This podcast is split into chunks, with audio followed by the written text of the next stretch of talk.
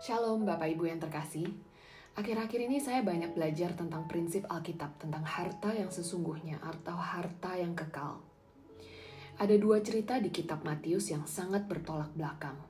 Yang pertama adalah perumpamaan tentang harta terpendam di Matius 13 ayat 44. Di perikop ini diceritakan ada seseorang yang menemukan harta yang terpendam di ladang. Dan dengan sangat sukacita, dia pergi menjual seluruh miliknya untuk membeli ladang itu. Di cerita ini walaupun dia menjual seluruh miliknya dan kehilangan harta dunianya, tapi dia sangat bersuka cita karena mendapatkan harta yang kekal. Dari perumpamaan ini kita belajar bahwa ketika kita menabung untuk harta di surga, kita akan menemukan sukacita yang sejati. Cerita kedua yang sangat bertolak belakang diceritakan di kitab Matius 19 ayat 16 sampai 26 tentang seorang muda yang kaya. Yesus menyuruh orang kaya ini untuk menjual segala miliknya dan memberikannya kepada orang miskin supaya dia beroleh harta di sorga. Ketika orang muda itu mendengar perkataan Yesus, dicatat di Alkitab bahwa dia pergi dengan sedih sebab hartanya banyak.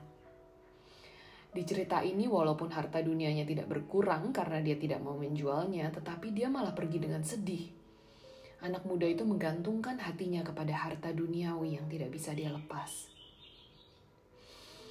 Dari dua cerita ini, saya belajar bahwa kita tidak bisa menyembah dua Tuhan, Mamon, dan Tuhan.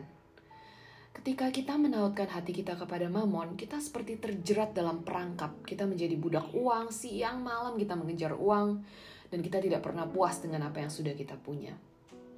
Di 1 Timotius 6 ayat 9 sampai 10. Tetapi mereka yang ingin kaya terjatuh ke dalam pencobaan, ke dalam jerat dan ke dalam berbagai-bagai nafsu yang hampa dan yang mencelakakan, yang menenggelamkan manusia ke dalam keruntuhan dan kebinasaan.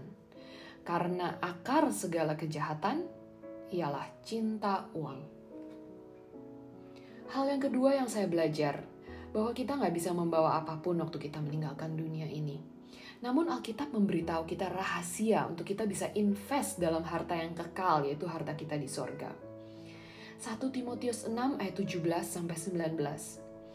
Peringatkanlah kepada orang-orang kaya di dunia ini agar mereka jangan tinggi hati dan jangan berharap pada sesuatu yang tak tentu seperti kekayaan melainkan pada Allah yang dalam kekayaannya memberikan kepada kita segala sesuatu untuk dinikmati.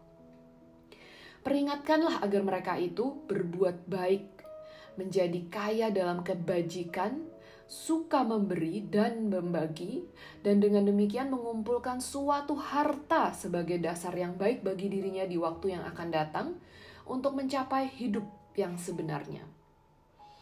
Ayat ini mengajarkan dengan jelas kepada kita bagaimana cara investasi untuk hidup kekal nanti.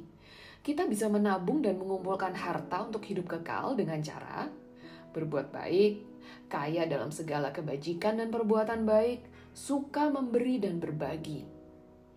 Ketika kita menolong sesama yang kesusahan, ketika kita mengasihi orang di lingkungan kantor kita, kita murah hati kepada pembantu rumah tangga kita, itu sebenarnya kita sedang menabung dan mengumpulkan harta untuk hidup kekal nanti.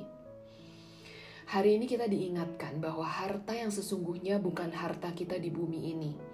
Harta yang sesungguhnya adalah harta, harta kita di sorga kelak.